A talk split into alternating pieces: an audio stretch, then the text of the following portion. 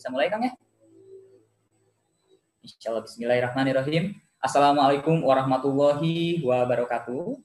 Selamat sore pemirsa yang dirahmati oleh Allah Subhanahu wa taala.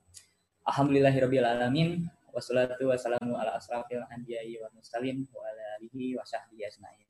Amma ba'du.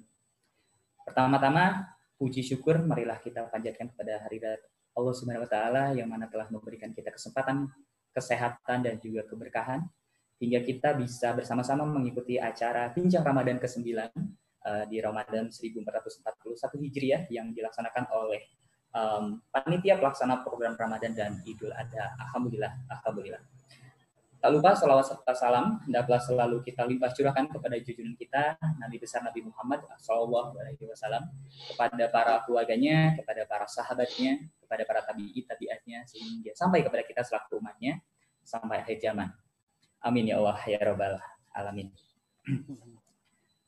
Pemirsa yang dirahmati Allah, sebelum kita mulai acara, izinkan terlebih dahulu saya untuk memperkenalkan diri. Uh, nama saya Fauzi Sofian yang insya Allah akan menemani uh, teman-teman semuanya, rekan-rekan semuanya untuk mengikuti program Bincang Ramadan ke-9 selama 90 menit ke depan. Kemudian uh, perlu saya sampaikan kepada pemirsa yang dirahmati Allah, pemirsa yang berbahagia, mari kita bersama-sama untuk meraih keberkahan dengan aneka program Ramadan Salman 1441 Hijriah. Um, sedekah ataupun dakwah Ramadan maupun support Salman uh, selama wabah ini bisa uh, disalur, disalurkan melalui rekening virtual account BNI Syariah atas nama sedekah dakwah Salman yang bisa teman-teman lihat di running text uh, di bawah ini. Alhamdulillah, Bismillah. Um, dan yang kemudian sebelum kita memulai ke acara yang selanjutnya, uh, kita akan mendengarkan terlebih dahulu pembacaan sari tilawah yang akan disampaikan langsung oleh Muhammad Fajar Sutisna. Padanya saya persilahkan.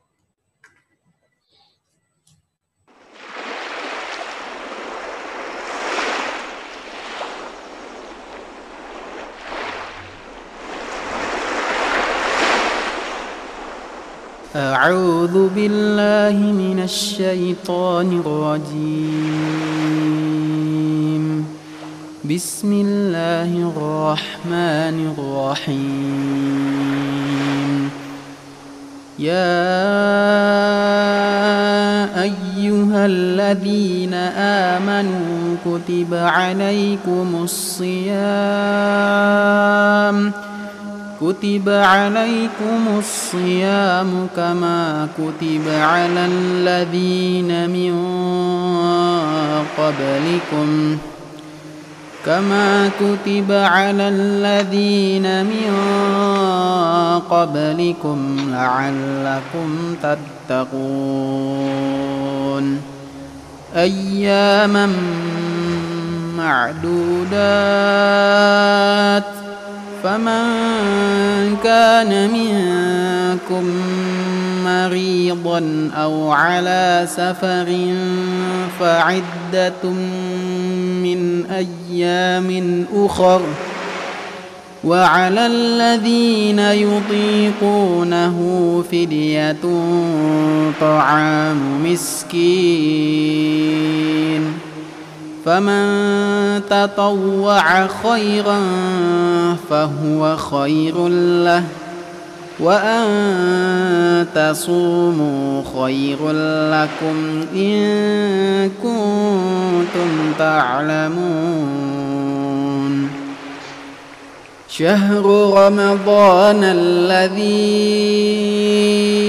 أنزل فيه القرآن هدى للناس وبينات من الهدى والفرقان.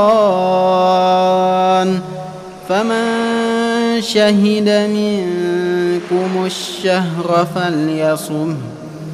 ومن كان مريضا أو على سفر فعدة من أيام أخر يريد الله بكم اليسر ولا يريد بكم العسر ولتكملوا العدة ولتكبروا الله على ما هداكم ولعلكم تشكرون. وإذا سألك عبادي عني فإني قريب فإني قريب أجيب دعوة الداع إذا دعان فليستجيبوا لي وليؤمنوا بي فليستجيبوا لي وليؤمنوا بي لعلهم يرشدون صدق الله العظيم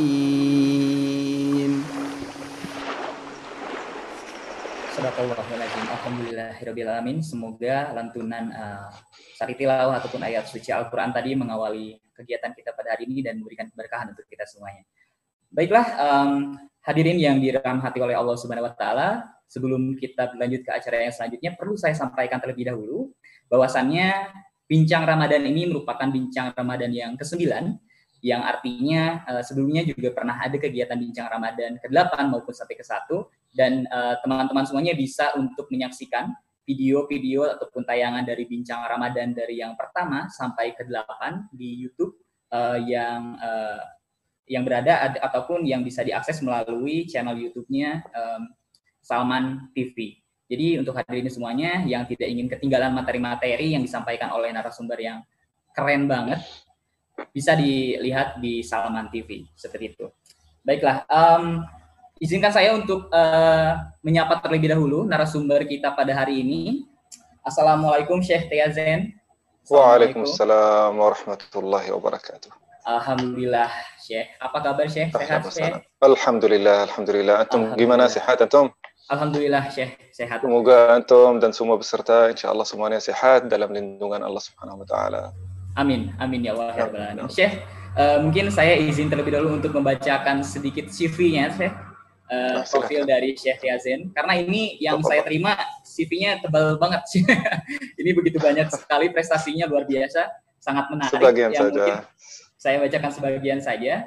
Um, Syekh Tiazen Al-Hakimi uh, merupakan imam masjid dan juga dai dan beliau lahir di Yaman uh, pada tanggal 20 Desember 1988. Betul Syekh lahir di Yaman Syekh? Betul, betul ya. Masya Allah, alhamdulillah. Dan uh, untuk pengalaman uh, pekerjaan, beliau merupakan imam Masjid Raya Bandung dan juga merupakan uh, juri dari Hafiz Indonesia, betul Syekh? Betul, ya betul. Masya Allah. Uh, jadi untuk teman-teman ini uh, program Hafiz Indonesia merupakan salah satu program yang melahirkan Hafiz Hafizah uh, muda-muda anak-anak yang berada di Indonesia. Um, dan untuk uh, pendidikan, Syekh, Syekh ber, uh, pernah uh, ataupun memiliki gelar sarjana S1 di uh, University Science and Technology Yaman. Dan S2 kemudian uh, berpendidikan di ITB di Indonesia di Institut Teknologi Bandung. Dan S3-nya Masya Allah ini dua dua program sekaligus ya di Unpad dan di KGU Jepang. Betul?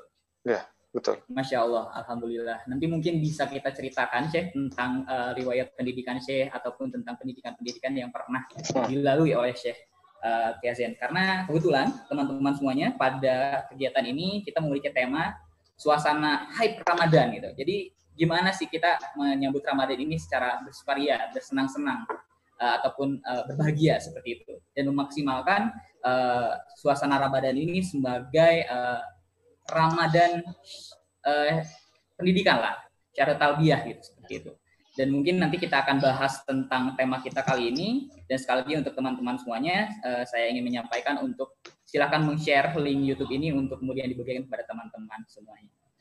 Baik, Syekh, uh, mungkin saya akan mempersilahkan memberikan waktu kepada Syekh untuk uh, membuka ataupun menyampaikan materi pembuka Syekh kepada hadirin yang saat ini hadir. Bismillahirrahmanirrahim. Wassalatu wassalamu ala Muhammadin wa ala alihi wa sahbihi ajma'in. Terima kasih adik Fauzi Sufyan dan terima kasih untuk semua peserta-peserta, adik-adik, teman-teman, bapak-bapak, ibu-ibu yang hadir yang saya hormati semua. Alhamdulillah wa syukurillah Allah subhanahu wa ta'ala telah mengkumpulkan kita walaupun kita tidak bertemu secara langsung tapi mudah-mudahan insyaAllah pertemuan ini menjadi menjadi pertemuan yang mubarak yang diberkahi oleh Allah subhanahu wa ta'ala yang mendekatkan kita kepada Allah subhanahu wa ta'ala. Dan mudah-mudahan insyaAllah lewat pertemuan ini kita berhasil dapat ilmu yang bermanfaat. Walaupun ilmu saya yang berbicara sekarang ilmu saya sangat terbatas. Dan saya penuh dengan kekurangan dan kesalahan. Nah, mudah-mudahan insyaAllah dengan pertemuan ini kita semakin semangat, semakin dekat kepada Allah Subhanahu Wa Taala sehingga kita bisa dapat ilmu yang bermanfaat lewat kajian-kajian seperti ini. Salawat dan salam kepada Muhammad sallallahu alaihi wasallam yang telah Uh, menyampaikan kepada kita jalan yang benar sehingga kita bisa membedakan mana yang lurus, mana yang bengkak, mana yang hak, mana yang batil. Ini semuanya lewat sunnah Rasulullah sallallahu alaihi wasallam. Teman-teman dan bapak-bapak, ibu-ibu semua, kita alhamdulillah sudah masuk bulan Ramadan dan kita sudah hampir melewati sepertiganya dan kita harus mengetahui bahwasanya bulan Ramadan ini adalah sekolah besar bagi kita semuanya. Di mana kita bisa belajar banyak belajaran. Belajar yang akan belajaran yang akan disebutkan insya Allah dalam kajian ini sangat banyak dan tidak terbatas. Tapi insya Allah kita akan memilih beberapa, beberapa pelajaran-pelajaran supaya kita bisa menguasainya dan bisa hasil lulus dari bulan Ramadan dalam gelar yang sangat tinggi. Allah Subhanahu wa taala menyebutkan orang-orang yang benar-benar dapat manfaat dari bulan Ramadan ini. Allah Subhanahu wa taala berfirman, "La'allakum tattaqun." كتب عليكم الصيام كما كتب على الذين من قبلكم لعلكم تتقون. Jadi kita berpuasa di bulan Ramadan. Kita masuk bulan Ramadan ini beribadah, qiyamul lail, zikir, semua ibadah-ibadah yang dilakukan di bulan Ramadan ini ada satu tujuannya tujuannya la'allakum tattaqun supaya kalian dapat gelar taqwa kepada Allah Subhanahu wa taala. Sebagaimana yang disampaikan ini di bulan Ramadan ini kita bisa benar-benar memahami bahwasanya ini adalah sekolah besar. Banyak pelajaran kita bisa dapat. Banyak wawasan kita akan memperluaskan ilmu kita di dalam bulan ini. Kita bisa benar-benar di bulan ini bisa membedakan jangka panjang dan jangka pendek kita mendahulukan yang mana? Mana yang lebih bermanfaat bagi kita? Kita akan mendahulukan al-hayatud dunia yang sebentar lagi akan habis atau kita mendahulukan akhirat di dalam surga Allah Subhanahu wa taala. Uh, ini sebagai pendahuluan silahkan akhi uh, Fauzi uh, Sufyan untuk menyampaikan kalau ada pertanyaan. Alhamdulillah, masya Allah, betul sekali Syekh apa yang disampaikan tadi. Sebenarnya tujuan kita uh, dalam uh, melalui bulan Ramadan ini adalah satu kesempatan untuk kita bisa memperbaiki diri sehingga pada akhirnya kita akan bisa mendapatkan um, gelar sebagai uh, seseorang yang takwa seperti itu saya. Alhamdulillah, alhamdulillah saya terima kasih. Uh, mungkin nanti akan uh, saya sampaikan beberapa pertanyaan Syekh untuk kita berdiskusi, berdiskusi. Kita akan lebih berdiskusi di sini di uh, kegiatan ini dan untuk teman-teman semuanya yang ingin bertanya dipersilakan untuk bertanya langsung di live YouTube channel yang saat ini sedang teman-teman saksikan nanti insya Allah akan ada kesempatan untuk dijawab langsung oleh uh, Syekh Yazen. Amin. Baik, Syekh, um, saya ada sedikit uh, pertanyaan, Syekh.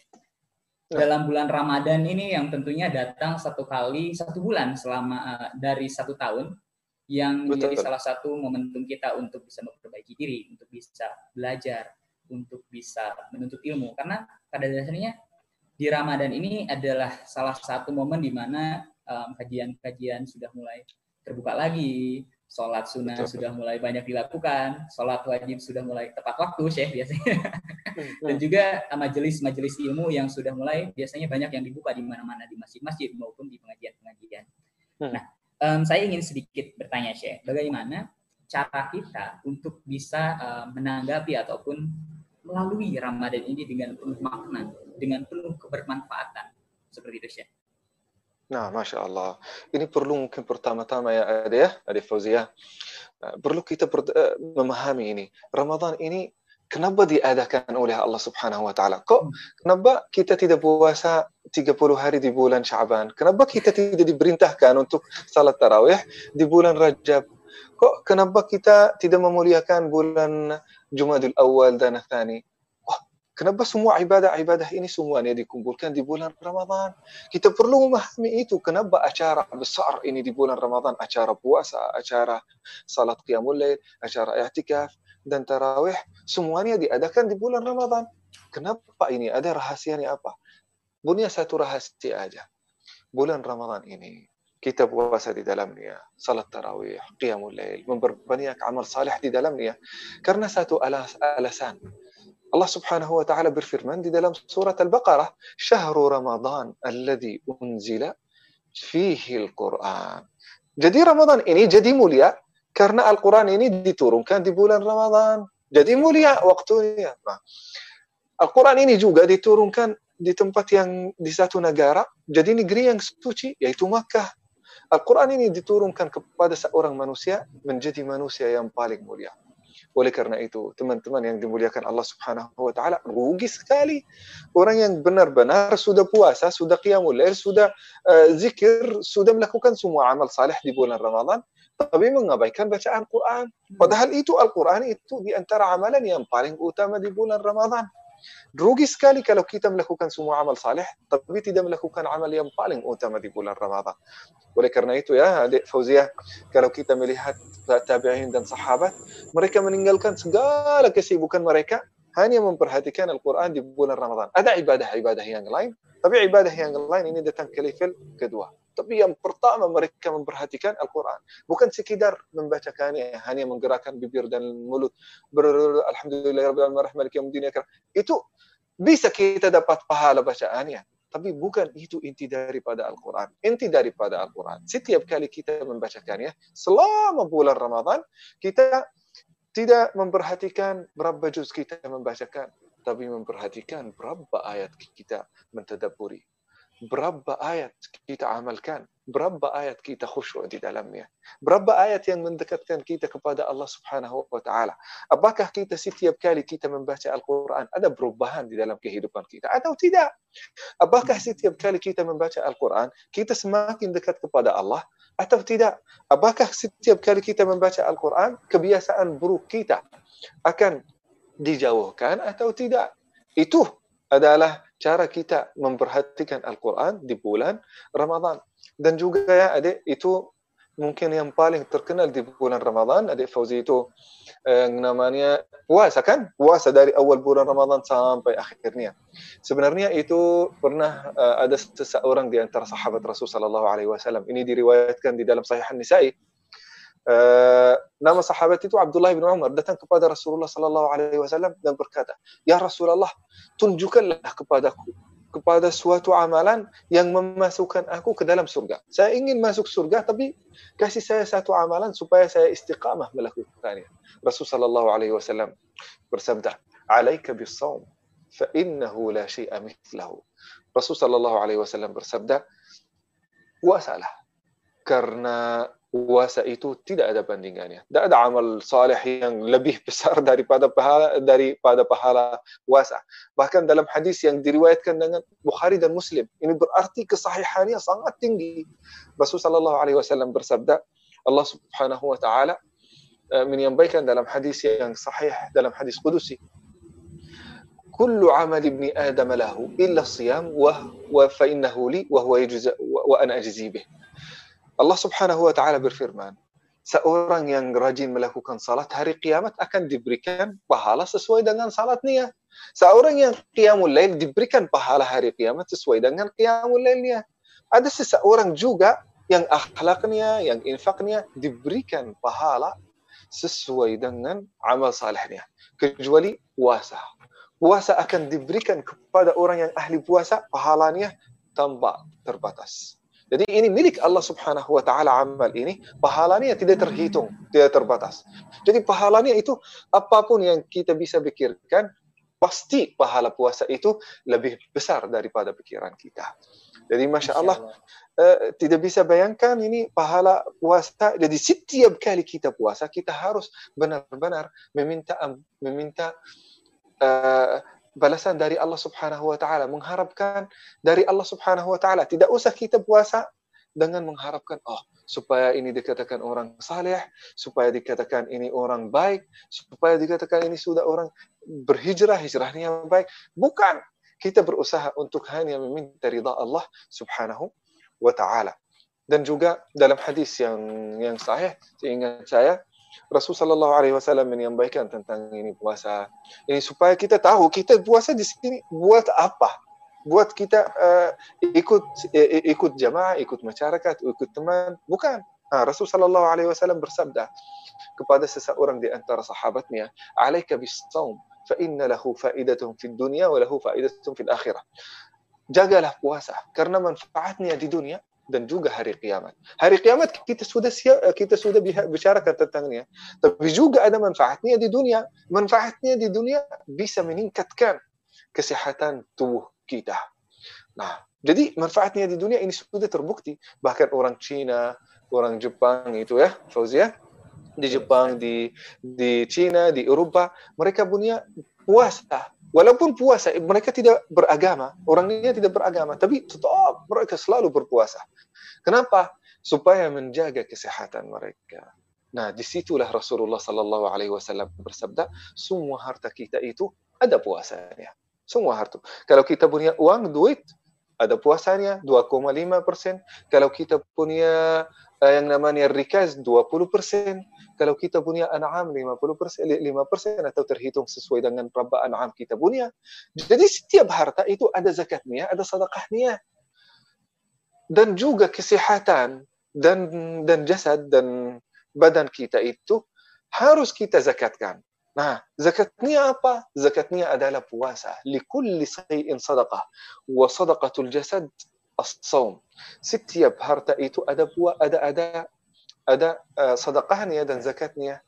Dan juga zakat dari badan kita, dari kesehatan kita, kita adalah puasa. Nah, setiap kali kita zakat dan sedekah dari harta kita, harta kita pasti akan tertambah, akan bertambah akan menjadi lebih berkah. Begitu juga jasad kita, kesehatan kita. Kita sedekahkan, sedekahkan lewat puasa, maka kesehatan kita akan semakin tinggi. Nah, itu yang namanya intermittent fasting fasting atau puasa yang dilakukan oleh orang Eropa, orang Barat, orang non-Muslim, yang bahkan orang ateis yang tidak beragama. Mereka selalu berpuasa hanya untuk dapat kesehatan. Itulah terbukti, Masya Allah, ini perintah Allah Subhanahu Wa Taala. Benar-benar kita akan dapat pahalanya. Dan juga kita akan uh, dapat manfaatnya juga di dunia. Kita hidup bahagia, senang, dan juga sehat. Ya, itu ya, ya. Hmm. Okay. Itu mungkin uh, yang belajaran ya, belajaran pertama untuk mungkin uh, menjaga puasa dan benar-benar menghayatinya bahwasanya dan menyakini bahwasanya ini insya Allah kita akan dapat manfaatnya di dunia dan juga di akhirat. Bukan hanya kita mengharap sebagai umat Islam kita mengharap hanya akhirat, akhirat, akhirat, akhirat dan kita mengabaikan dunia. Islam itu datang untuk supaya kita memakmurkan dunia dan mensukseskan dunia kita dan juga dapat juga sukses di akhirat. akhirat. Nah, betul. Nah, betul ya, Adik. Dan juga di antara ini dari puasa ya, Adik ya. Ini dari puasa. Kita benar-benar akan belajar kejujuran sama Allah Subhanahu wa taala. Kadang-kadang kalau kita puasa, kita dalam kamar sendiri tidak terlihat oleh siapa pun. Kita dapat makan, tidak terlihat oleh siapa pun kan? Siapa yang akan berkata kamu tidak puasa? Ah, kita bisa minum, kita bisa makan. Tidak ada orang yang bisa uh, yang bisa lihat kita. Nah, di situlah kita belajar kejujuran sama Allah Subhanahu Wa Taala. Kita dapat bagaimana kita meluruskan niat kepada Allah Subhanahu Wa Taala. Bahkan Rasulullah Sallallahu Alaihi Wasallam pernah menyampaikan beberapa hadis-hadis yang berkaitan dengan ini. Bahkan Rasulullah Sallallahu Alaihi Wasallam menyampaikan, ah, "Man lam yubayyit niyah qabla al-fajr fala sawma lah." Kita semuanya tahu kalau puasa itu sunnah. Rasulullah Sallallahu Alaihi Wasallam kadang-kadang uh, pagi hari pagi hari dan siang hari tidak ada makanan, ya udah dia berkata ya udah saya lanjutkan sampai maghrib insya Allah puasa. Karena Rasulullah Shallallahu Alaihi Wasallam itu bukan orang kadang-kadang di dalam rumahnya tidak ada uh, banyak minuman dan makanan. Kalau tidak ada makanan ya udah puasa. Tapi puasa Ramadan ini pelajaran yang luar biasa bagi kita semuanya. Harus kita niat, meluruskan niat bahkan sebelum salat subuh. Sebelum azan salat subuh, Allahu Akbar, Allahu Akbar. Sebelumnya kita harus sudah meluruskan niat kepada Allah Subhanahu wa taala. Kalau kita tidak berniat untuk puasa, maka puasa kita batal. Nah, di antara syarat puasa kita di bulan Ramadan kita harus berniat meluruskan niat sebelum azan salat subuh. Nah, kita itu belajar dari itu benar-benar meluruskan niat, jadi jujur, menjujurkan menjadikan jujur sama menjadikan diri kita dan hati kita jujur sama Allah Subhanahu wa taala itu meluruskan niat. Kita dapat pelajaran ini setiap kali kita melakukan amal saleh kita harus memastikan bahwasanya itu niatnya kepada Allah Subhanahu wa taala benar rugi dan bukan hanya rugi. Orang ini akan menyesal hari kiamat. Dia banyak ibadahnya banyak salatnya banyak hafalan dan bacaan Al-Qur'annya tapi tapi dia tidak meluruskan niat kepada Allah Subhanahu wa taala. Apabila dia sudah salat masuk Allahu Akbar. Alhamdulillahirabbil alamin sudah di tengah salatnya dia, dia tidak tahu dia salat untuk apa. Biar bisa jadi dia salat gara-gara terlihat oleh teman. Bisa jadi salat karena sudah terbiasa. Bisa jadi salat biar dipuji. Ah, kita bela, kita dapat pelajaran dari puasa bulan Ramadan untuk meluruskan niat sebelum kita melakukan ibadah ini. Dan juga dari nah, dari ini juga ada kita bisa meluruskan niat kejujuran sama Allah Subhanahu wa taala ini dalam perbuatan saat kita melakukan ibadah kita harus menyempurnakannya kepada Allah Subhanahu wa taala. Dalam puasa itu kita harus sempurna puasa kita dari salat subuh sampai salat maghrib. Kalau ada seseorang berkata, "Ya udah saya mau saya mau puasa uh, 80% aja. Mungkin saya hanya akan makan dikit makan pagi atau dikit makan siang." Boleh enggak? Pasti tidak boleh karena harus sempurna, harus 100% dari pagi sampai sampai sampai maghrib. Nah, Nah, begitu juga para ulama berkata, kalau amal salih itu 99% kepada Allah dan 1% kepada manusia atau kepada nafsu kita, maka amal salih itu termasuk amal yang batal, tidak akan diterima oleh Allah Subhanahu wa taala. Harus 100% kepada Allah Subhanahu wa taala. Sebagaimana kita menyempurnakan puasa kita, tidak mendekati makanan, tidak menyentuh minuman. Nah, kita menyempurnakannya dari pagi sampai malam, kita juga setiap kali kita salat, kita harus menyempurnakannya kepada Allah Subhanahu wa taala. Apa yang terjadi sekarang? Benar. Salat kita itu tidak sempurna. Kita baru masuk salat, muncullah banyak bisikan-bisikan di dalam di dalam pikiran kita. Kita bahkan kita sudah lupa apa yang baru dibacakan, berapa rakaat kita sudah salatkan, apa yang kita apabila kita sudah membacakan dengan benar, kita tidak tahu apa artinya. Tidak pernah khusyuk di dalam salat. Nah, malah kita diperintahkan oleh Rasulullah sallallahu alaihi wasallam untuk menjaga tadabbur salat. Dari awal takbiratul ihram sampai assalamualaikum warahmatullah assalamualaikum warahmatullah. Tapi zaman kita sekarang baru masuk salat ya. Seperti ya, ya Adik Fauzia banyak teman-teman termasuk juga saya kadang-kadang ya masuk salat masuklah semua pikiran-pikiran, pikiran yang berkaitan dengan tugas kampus, yang berkaitan Betul, dengan assignment, yang berkaitan dengan jodoh, yang berkaitan dengan rezeki, yang berkaitan dengan gaji, rumah tangga, semua pikiran-pikiran muncul apabila kita sudah melakukan ibadah. Kok kenapa pikiran ini tidak ada sebelum salat? Nah, itu yang ya. masalah. Nah, makanya dari puasa itu kita bisa belajar. Jadi terbiah buat diri kita sendiri bagaimana kita menyempurnakan ibadah kepada Allah Subhanahu wa taala 100%. Sebagaimana puasa itu tidak boleh 50%, tidak boleh 90%, bahkan tidak boleh 99%. Harus 100%. Kita harus juga ibadah kita semuanya harus 100% kepada Allah Subhanahu wa taala. Insyaallah alhamdulillah. Silakan ya kalau ada pertanyaan. Uh, betul sekali Syekh, saya sangat setuju sekali dengan apa yang tadi disampaikan dan ini relate banget Syekh sama kita generasi muda. Kalau misalkan lagi sholat, lagi ibadah, pasti ada terlintas pikiran-pikiran apa pun itu. Dan itu jadi satu tantangan buat kita gitu Syekh. Uh, dan uh, saya tadi menggarisbawahi beberapa hal kenapa bulan Ramadan ini menjadi salah satu bulan yang begitu mulia, yang begitu berbeda dengan bulan-bulan lainnya. Karena ya yang pertama karena bulan ini merupakan uh, bulan di mana diturunkannya Al-Quran Insya Allah. Betul ya. Dan uh, dalam segi pendidikan selaras dengan tema kita, bulan Ramadan ini mengajarkan kita untuk bisa uh, belajar banyak hal, lebih banyak uh, belajar jujur, meluruskan niat, belajar hmm. untuk memulai ibadah-ibadah yang mungkin sih kalau misalkan selain bulan suci Ramadan kita nggak pernah hmm. melakukan ibadah itu. Contohnya sholat tarawih oh. gitu atau mungkin betul, Al-Quran. Hmm. Jadi itu jadi satu pendidikan pelajaran buat kita semua. Dan tadi saya garis bawahi satu hal yang sangat menjadi uh, uh, menarik ya ketika kita berniat dan melakukan ibadah 99% untuk Allah Subhanahu wa taala. Tapi satu persennya untuk hal lain, mungkin manusia, pujian dan lain sebagainya. Subhanallah itu jadi nggak sah ya, Syekh ya. Ibadah kita nah, jadi nggak sah. Nah. Masya Allah. Jadi pembelajaran nah. kita, ya Syekh, Nah, itu penting sekali karena kadang-kadang ini di dalam di dalam ibadah kita khususnya di sini.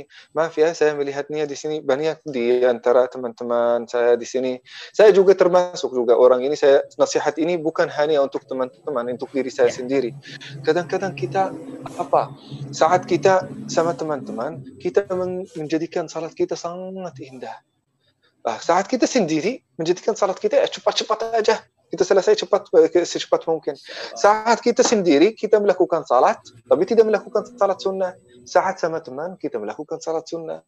Apabila kita ada seorang miskin datang kepada kita, kita ingin infak, kita kadang-kadang kalau kita sendiri tidak infak, tapi kalau kita bersama-sama bersama teman, ah kita mengeluarkan 500 ribu, kita mengeluarkan 500 atau mengeluarkan uh, 100 sesuai dengan jadi itu bisa kita melakukan amal salah itu kalau kita terlihat oleh orang lain. Berarti ada penyakit dalam ibadah kita.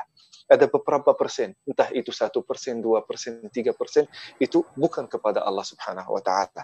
Kalau itu benar-benar kepada Allah Subhanahu Wa Taala, sebagaimana kita sendirian melakukan amal saleh, kita melakukannya di hadapan orang lain. Tidak ada bidaan sama sekali. Salat ini indah, salat ini indah.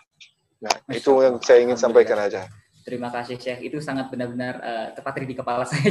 saya juga kadang masih ada perasaan seperti itu dan mungkin ini menjadi um, masalah banyak orang Syekh. Dan semoga setelah kita menonton video ini, ini bisa kita perbaiki bersama. Dan kemudian Syekh, saya ingin bertanya ke pertanyaan kedua. Um, seperti tadi, yang namanya ibadah itu kita banyak belajar Al-Quran, kita belajar sholat, ya. melaksanakan sholat. Tapi uh, kadang belum bisa sampai mencintai dan memaknai ibadah yang kita lakukan. Mungkin saya ya. bisa memberikan beberapa penjelasan agar uh, menjadikan bulan Ramadan ini uh, menjadi satu uh, pembelajaran kita agar bisa lebih memaknai dan mencintai ibadah yang kita lakukan. Ya, betul ya. Yang terkait dengan itu ada beberapa pelajaran dan tarbiyah yang ya, yang terkait itu. Bagaimana kita bisa mencintai ibadah itu? Kenapa kita setiap kali kita melakukan ibadah itu kita merasa bosan, capek, begal? Kok kenapa itu?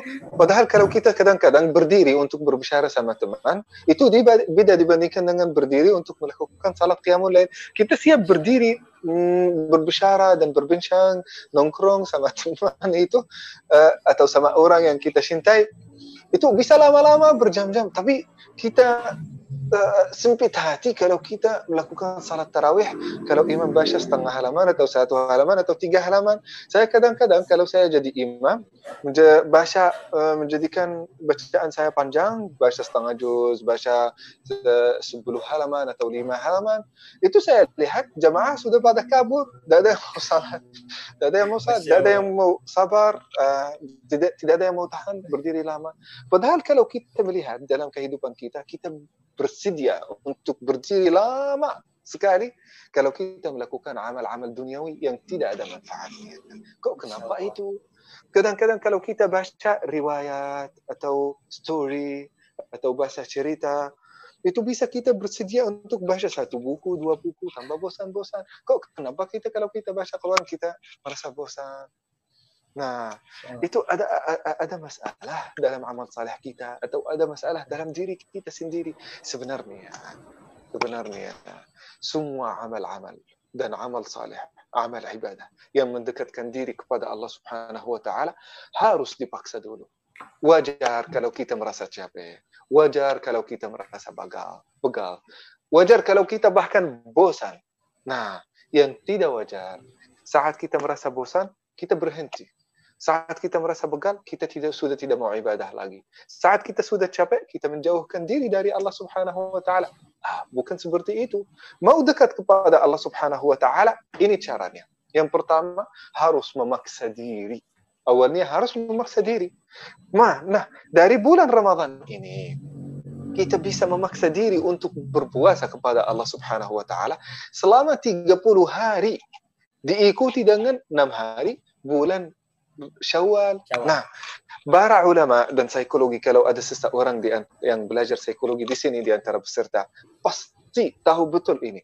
Kalau kita ingin membiasakan manusia dengan satu sikap akhlak, sikap akhlak kejujuran, akhlak uh, bangun pagi, akhlak selalu belajar, harus dipaksa selama satu bulan sampai 40 hari.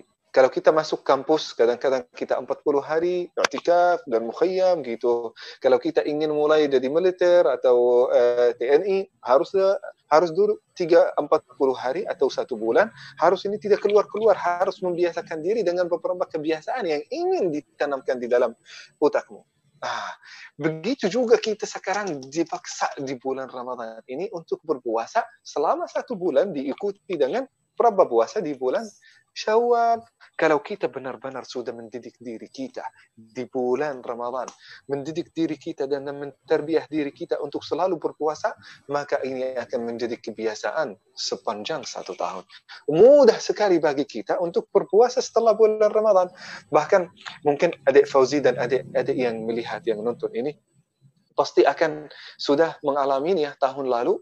Kalau kita awal bulan Ramadan susah sekali kita puasa. Kalau akhir bulan Ramadan, kita sudah mudah sekali puasa, mudah sekali bagi kita. Bahkan kita berusaha untuk eh, berharap kalau bulan Ramadan itu diperpanjang 10 hari, 20 hari. Bahkan bagian di antara kita berharap kalau bulan Ramadan itu sepanjang satu tahun. Karena dia sudah terbiasa, dia sudah suka sama puasa. Setelah itu jadi puasa sangat mudah bagi kita. Kenapa? Sudah membiasakan diri selama satu bulan. Seorang yang membiasakan diri ini yang membaca Al-Quran setiap hari. Datanglah akhir bulan Ramadan, walaupun awal bulan Ramadan itu baca satu juz, dia sudah bosan banget. Wah, bagaimana saya sudah ini baca satu juz, ini saya tidak mengerti isinya, saya sudah bosan. Pasti itu awalnya. Tapi akhir bulan Ramadan itu akan nikmat sekali Nah, sehingga dia setelah bulan Ramadan, karena dia sudah membiasakan diri membaca Al-Quran, dia akan selalu terikat dengan Al-Quran. Dia akan meninggalkannya. Nah, seorang yang sudah membiasakan diri Qiyamul Lail setiap malam, maka dia susah sekali dia meninggalkan Qiyamul Lail setelah bulan Ramadan. Nah, bulan Ramadan jadi ini datang kepada kita, benar-benar kita perlu memaksa kita awalnya supaya kita membiasakan bisa membiasakan diri kita, mengkendalikan diri kita setelah bulan Ramadan. Jadi datang bulan Ramadan ini hanya sebagai push, pushing buat kita sendiri. Ah, kalau kita sudah mungkin sepanjang satu tahun semangat kita sudah turun, maka ini akan datang bulan Ramadan datang ini supaya kita tambah cinta kepada amal saleh. Kadang-kadang ya ada ya kalau kita salat uh, tarawih di sini di Indonesia atau di mana-mana. Kalau imamnya cukup semangat dan membacakan panjang-panjang jamaahnya pada kabur mereka mencari uh, mencari masjid-masjid yang baca uh, cepat-cepat yang menyelesaikan 20 rakaat dalam 10 menit kan? Ada banyak ya, ada, ada banyak. Ada banyak juga masjid-masjid seperti itu. Saya pernah menyampaikan salah satu cerita ketika saya baru datang ke Indonesia itu baru datang itu uh, dari Jakarta langsung ke Bandung. Dan itu Ramadan pertama saya di Indonesia. Bahkan itu malam pertama saya di Indonesia. Baru lu uh, keluar dari jalan tol, saya ingin salat salat tarawih. saya ingin salat tarawih dan itu salat pertama di, di salat jamaah pertama di Indonesia. Dan takdir Allah Subhanahu wa taala itu sudah waktu salat Isya. Saya turun dari bis, salat di salah satu masjid masuklah dalam masjid itu masjidnya halamannya besar masjidnya juga besar. Tapi masya Allah saya salat isya di sana. Lihat jamaah masjid itu jamaahnya masya Allah mengisi masjid. Ribuan orang datang ke masjid itu. Saya bilang masya Allah masjid ini banyak jamaahnya berarti imamnya itu hebat pasti hebat. Salatnya indah bacaannya bagus, sesuai dengan sunnah Rasulullah Sallallahu Alaihi Wasallam. Saya selesai salat Isya di sana, salatnya masya Allah bagus, imamnya juga lumayan. Selesai salat Isya, sel salat sunat dua rakaat, mulai salat tarawih. Salat tarawih di sana mereka salat tarawih itu 23 rakaat. Itu bagus, tapi yang tidak bagus, mereka salat 23 rakaat dalam waktu tidak lebih dari 10 menit. 10 menit, 23 rakaat. La ilaha illallah. Saat itu, ya adik Fauzia, ketika saya, ketika saya salat di masjid itu, saya benar-benar ingin fokus di dalam salat, ingin khusyuk di dalam salat, tidak bisa. Karena salatnya sangat cepat. Bahkan salatnya kayak gini. Bismillahirrahmanirrahim. Bismillah itu bagus, sempurna. Ketika selesai Bismillahirrahmanirrahim. Alhamdulillahirrahmanirrahim. Maliki yawmiddin. Iyyaka na'budu wa iyyaka nasta'in. Jadi Bismillahirrahmanirrahim waladhdallin itu jelas di antaranya itu bahasanya kacau. Saya sendiri, Al-Quran itu bahasa Arab, saya orang Arab, saya sendiri ingin fokus, berusaha untuk fokus apa yang dibacakan oleh imam. Saya nggak tahu apa yang dia bacakan. Saya sendiri nggak mengerti, apalagi jemaah. apalagi kami-kami yang mungkin belum terlalu paham bahasa Arab mungkin saya ya. Makanya, ya. ya itu mungkin saat kita betul-betul ya Akhif ya Nah, makanya kita perlu di dalam ini bulan Ramadan mencontohkan sunnah Rasulullah Sallallahu Alaihi Wasallam sepanjang satu hari, satu bulan, supaya kita dapat kebiasaan baru. Biasa. Kita menikmati salat, salat sesuai dengan sunnah Rasulullah Sallallahu Alaihi Wasallam. Itu ya pernah pernah ya adik Fauzi itu pernah ada sahabat-sahabat. Mereka ada berebutan tentang bacaan Rasulullah Sallallahu Alaihi Wasallam dan juga salat tarawih. Sebagaimana kita ada sekarang berebutan, ada masjid yang salatnya sangat cepat, ada masjid yang pelan-pelan, ada ada masjid yang salat 23 rakaat, ada masjid yang salat hanya 10 rakaat, ada masjid yang salat 8 rakaat. Semuanya ada berebutan ya, berantem bahkan jamaahnya. Setiap orang membawa dalil. Nah, sama juga sahabat Rasulullah Sallallahu Alaihi Wasallam ketika mereka ada perbedaan, ada kekhilafan, mereka datang kepada istri Rasulullah Sallallahu Alaihi Wasallam. Saat itu Rasulullah Sallallahu Alaihi Wasallam sudah meninggal dunia, sudah tidak ada di dunia ini. Mereka datang kepada Aisyah, ya Aisyah, itu Rasulullah Sallallahu Alaihi Wasallam kalau beliau ingin salat, kok bacaan Rasulullah Sallallahu Alaihi Wasallam itu seperti apa? Nah, mereka ingin mendidik diri mereka dan menterbiahkan diri mereka bagaimana mereka salat di bulan Ramadan maupun di luarnya. Nah, Aisyah radhiyallahu anha berkata, apabila Rasulullah sallallahu alaihi wasallam salat dan membaca Al-Qur'an di dalam salatnya, maka Rasulullah sallallahu alaihi wasallam membaca Al-Qur'an fayuhabbiruhu tahbira. Membaca Al-Qur'an sampai-sampai beliau yuhabbiruhu tahbira. Apa artinya yuhabbiruhu tahbira? Baca pelan-pelan. Itu bacaan Rasulullah sallallahu alaihi wasallam. Jadi padahal Rasulullah sallallahu alaihi wasallam itu orang yang paling jago bahasa Arabnya kan, paling fasih.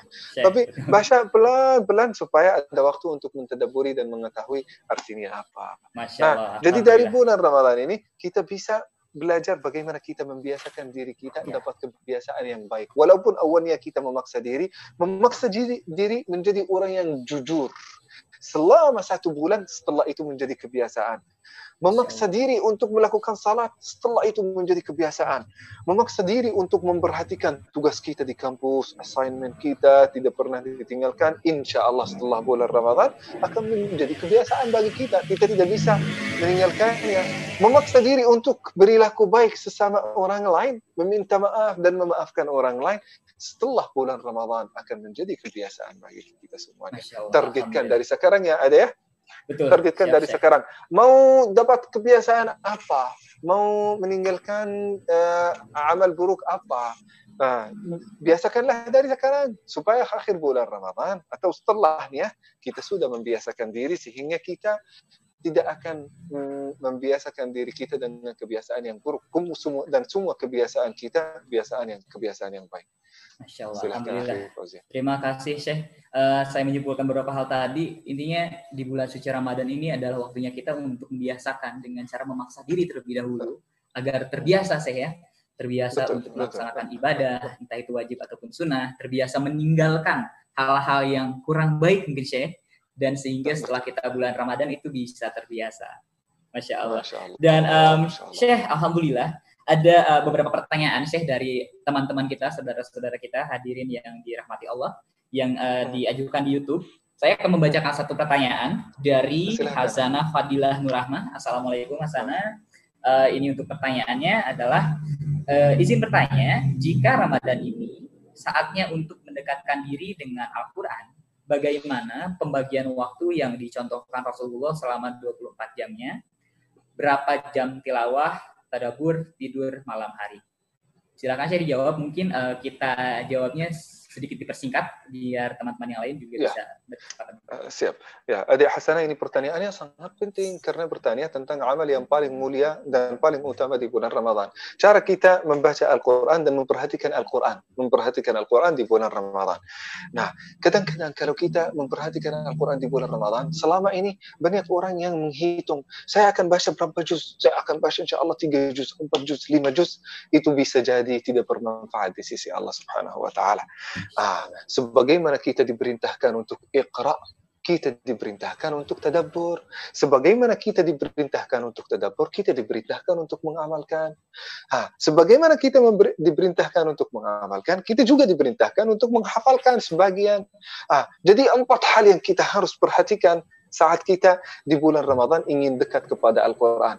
Nah, bukan hanya menggerakkan bibir dan lidah dengan bacaan Al-Quran, satu juz, dua juz, tiga juz. Ah, membanggakan diri eh, sama teman-teman saya sudah baca 10 juz, saya sudah khatam Al-Quran, saya sudah. Ah, bukan itu yang diinginkan oleh Allah Subhanahu wa taala. Contohnya kayak gini. Kalau kita adik Hasanah ini, kalau kita dapat pesan surat dari orang yang kita cintai, orang yang kita cintai banget, entah itu jodoh kita, calon suami, calon istri kita, papa, ibu kita, orang yang kita cintai. Kirim ke kita pesan. Hal pertama yang kita akan lakukan, kita akan membacakannya dengan baik. Bagus, membacakannya dengan baik. Tapi saat kita membacakannya, kita akan berusaha untuk mengerti isinya apa. Apa yang diinginkan oleh orang yang saya cintai ini.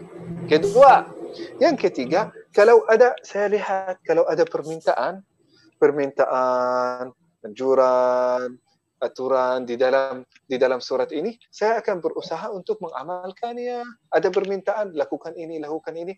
Karena saya saking cinta orang yang mengirim dan dan menyampaikan pesan ini kepada saya, saya berusaha untuk mengamalkannya. Nah, setelah itu apa? Karena kalau saya sangat mencintainya, saya akan bahkan menghafalkan kata-katanya. Nanti kalau saya mungkin berbicara sama dia lagi, supaya dia merasa saya sangat mencintai dia, kamu pernah kirim kepada saya pesan terisi dengan satu, dua, tiga.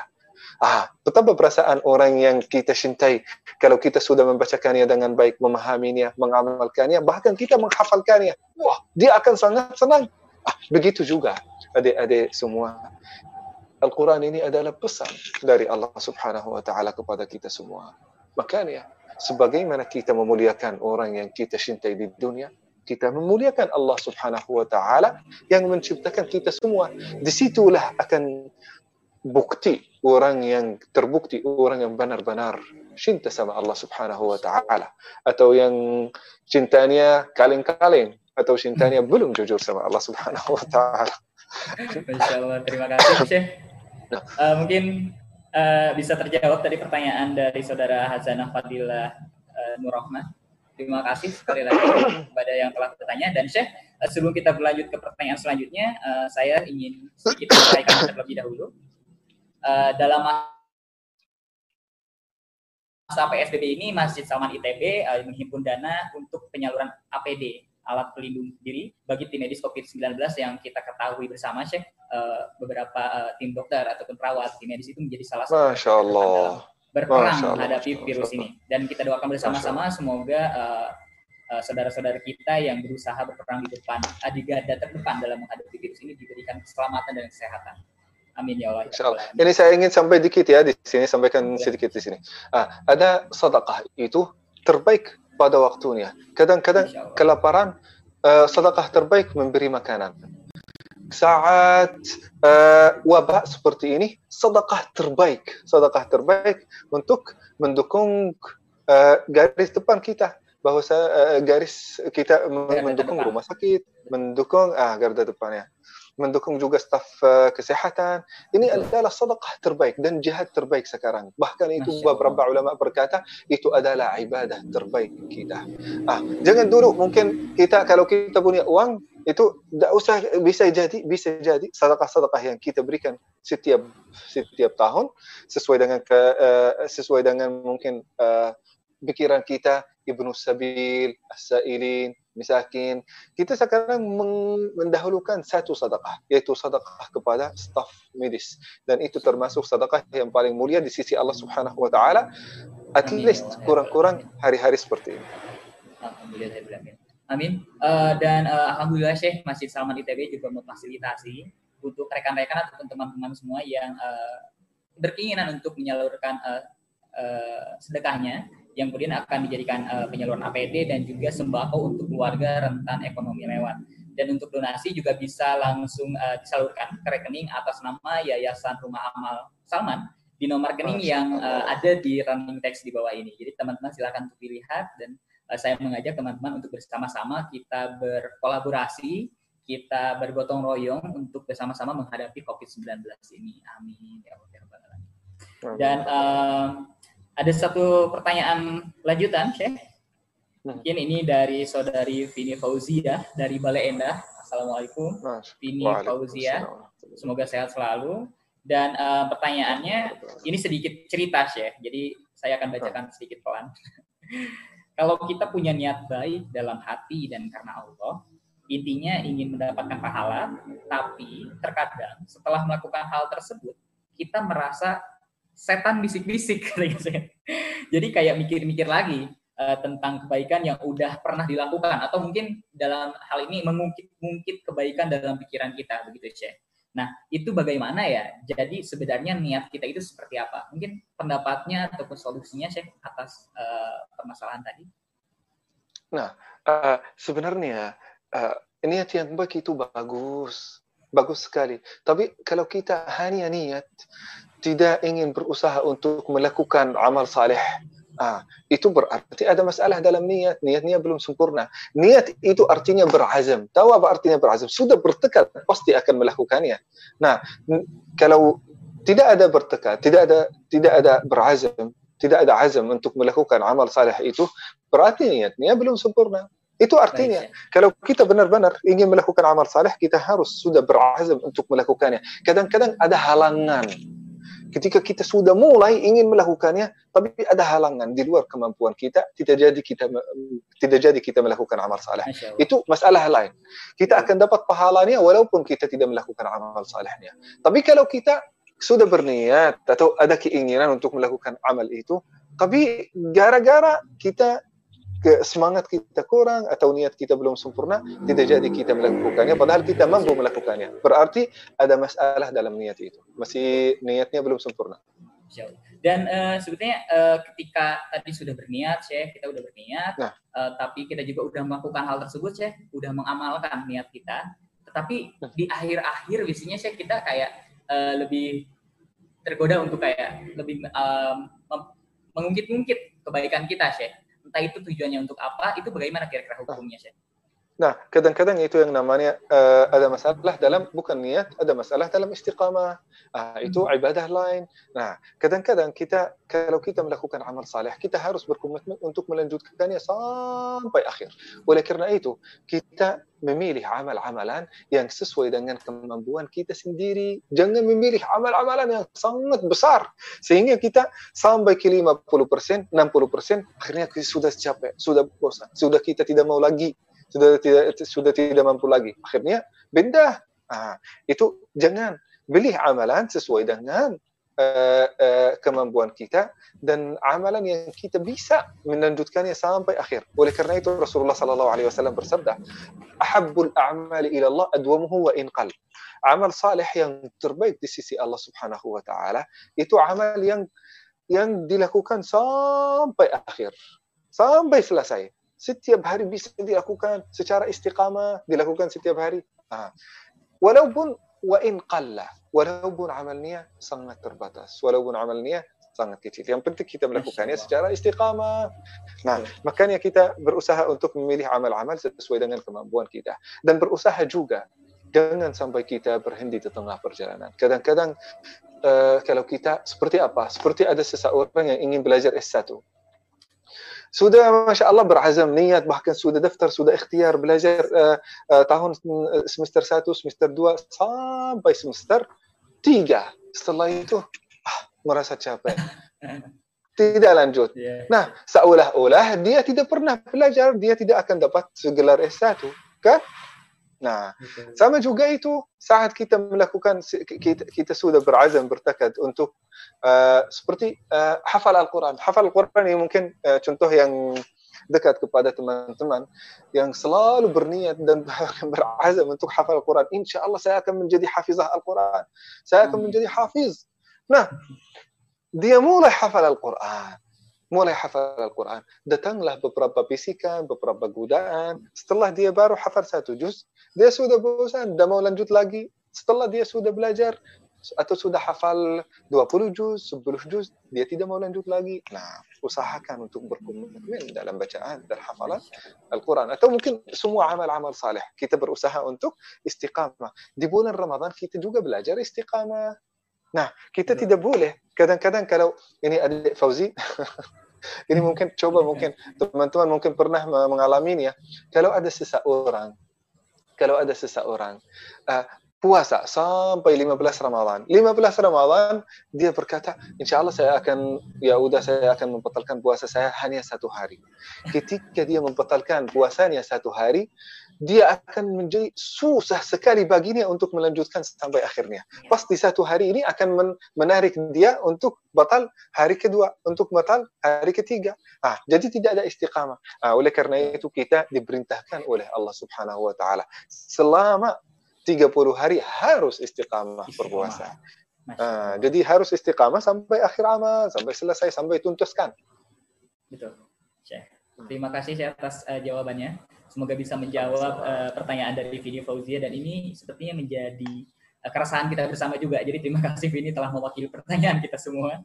Dan kemudian Syekh, um, sebetulnya gini, sebetulnya kami ingin tahu Syekh, kami ingin tahu kira-kira ada nggak cerita dari tokoh masa lalu, mungkin di zaman Rasul ataupun di zaman sebelum ataupun sesudah zaman Rasul yang uh, menjadikan Ramadan itu bermakna dalam kaitannya sebagai sahur tarbiyah. Hmm. Masya Allah. Sebenarnya ya ada ya, ada cerita yang benar-benar saya sendiri ini uh, ketika saya baca uh, cerita ini untuk kali pertama, saya bahkan bergetar hati saya. Uh, ini uh, cerita ini untuk salah satu sahabat keluarga Rasulullah Sallallahu Alaihi Wasallam, keluarga Rasulullah yang paling mulia ini dia anggota keluarga Rasulullah Sallallahu Alaihi Wasallam seorang bernama Ali bin Abi Thalib. Mungkin kita semuanya sudah tahu. Ali bin Abi Thalib ini nikah sama siapa? Sama putri Rasulullah kan, sama Fatimah. Punya dua anak dari uh, Fatimah kan. Yang pertama bernama Al Hasan, yang kedua Al Husain. Suatu hari, suatu hari dan Al Hasan wal Husain ini termasuk anak-anak yang paling dicintai oleh Rasulullah Sallallahu Alaihi Wasallam. Bahkan itu anak kesayangan Fatimah dan Ali. Suatu hari Al Hasan dan Al Husain ini masih kecil, masih usia yang pertama usianya masih tiga tahun, yang kedua usianya masih dua, dua tahun. Tahu ya kalau anak kita lagi sakit mengalami kesakitan, kita merasa kesakitan itu dan rasa sakit, rasa nyari itu di dalam hati kita sendiri. Karena ini bagian dari saya, anak saya itu. Nah, ketika Al Hasan Al Husain itu suatu hari mengalami rasa sakit yang bukan main-main, demam yang luar biasa, dua-duanya sakit. Sampai-sampai Al Imam Ali bin Abi Talib dan istrinya itu ketakutan, takut kehilangan anak-anaknya. Karena mereka tidak punya anak lagi, hanya Al Hasan dan Al Husain. Dan itulah adalah satu-satunya keturunan Rasulullah Sallallahu Alaihi Wasallam yang belum mati. Al-Hasan Al-Husain ketika mereka mengalami demam yang bukan main-main itu yang luar biasa maka Ali bin Abi Talib dan istrinya suatu hari qiyamul lail dan berdoa kepada Allah ya Allah berikanlah kesembuhan kepada anak-anak kami.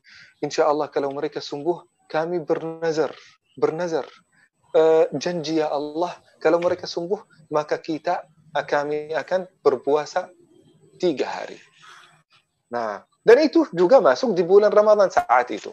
Nah, nah ketika mereka puasa eh, masuk bulan Ramadan, nah, mereka juga datang ini masuk bulan Ramadan, mereka puasa bulan Ramadan sama juga puasa nazar sesuai dengan nazar mereka.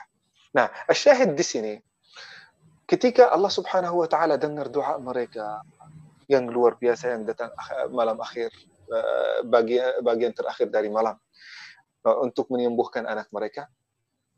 Allah Subhanahu wa taala dengar doa mereka dan juga Al Hasan wal Husain itu sembuh, tidak sakit lagi.